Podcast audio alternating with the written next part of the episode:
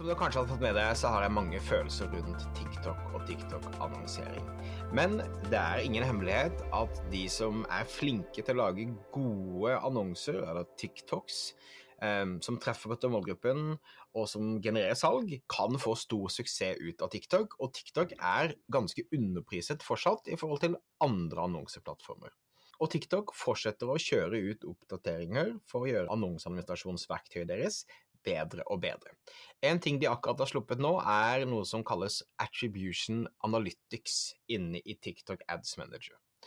Og det verktøyet er ment for å gi deg som annonsør bedre innsikt i effekten av eh, annonsering på plattform. Så Noe av det de har som er veldig spennende, heter performance comparison. Og da har du muligheten til å sammenligne hvordan folk reagerer på forskjellige tidsrom på annonsene dine.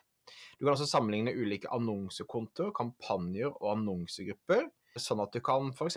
sortere på jeg ønsker utover denne perioden hva slags tidsperioder og annonser har fungert best i disse tidsperiodene i forhold til return on ad spend, kost per klikk klikkrate osv. Så, videre, og så, videre. så dette er da TikToks måte å egentlig leke litt sånn catch-up med både Snap og Meta sin annonseadministrasjon.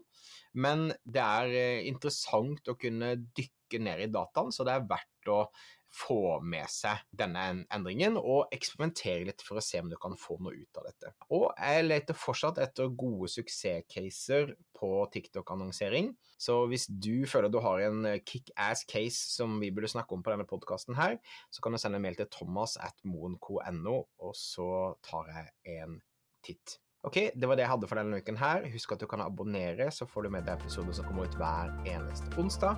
Mitt navn er Thomas Moen. Vi snakkes plutselig. Ha det fint.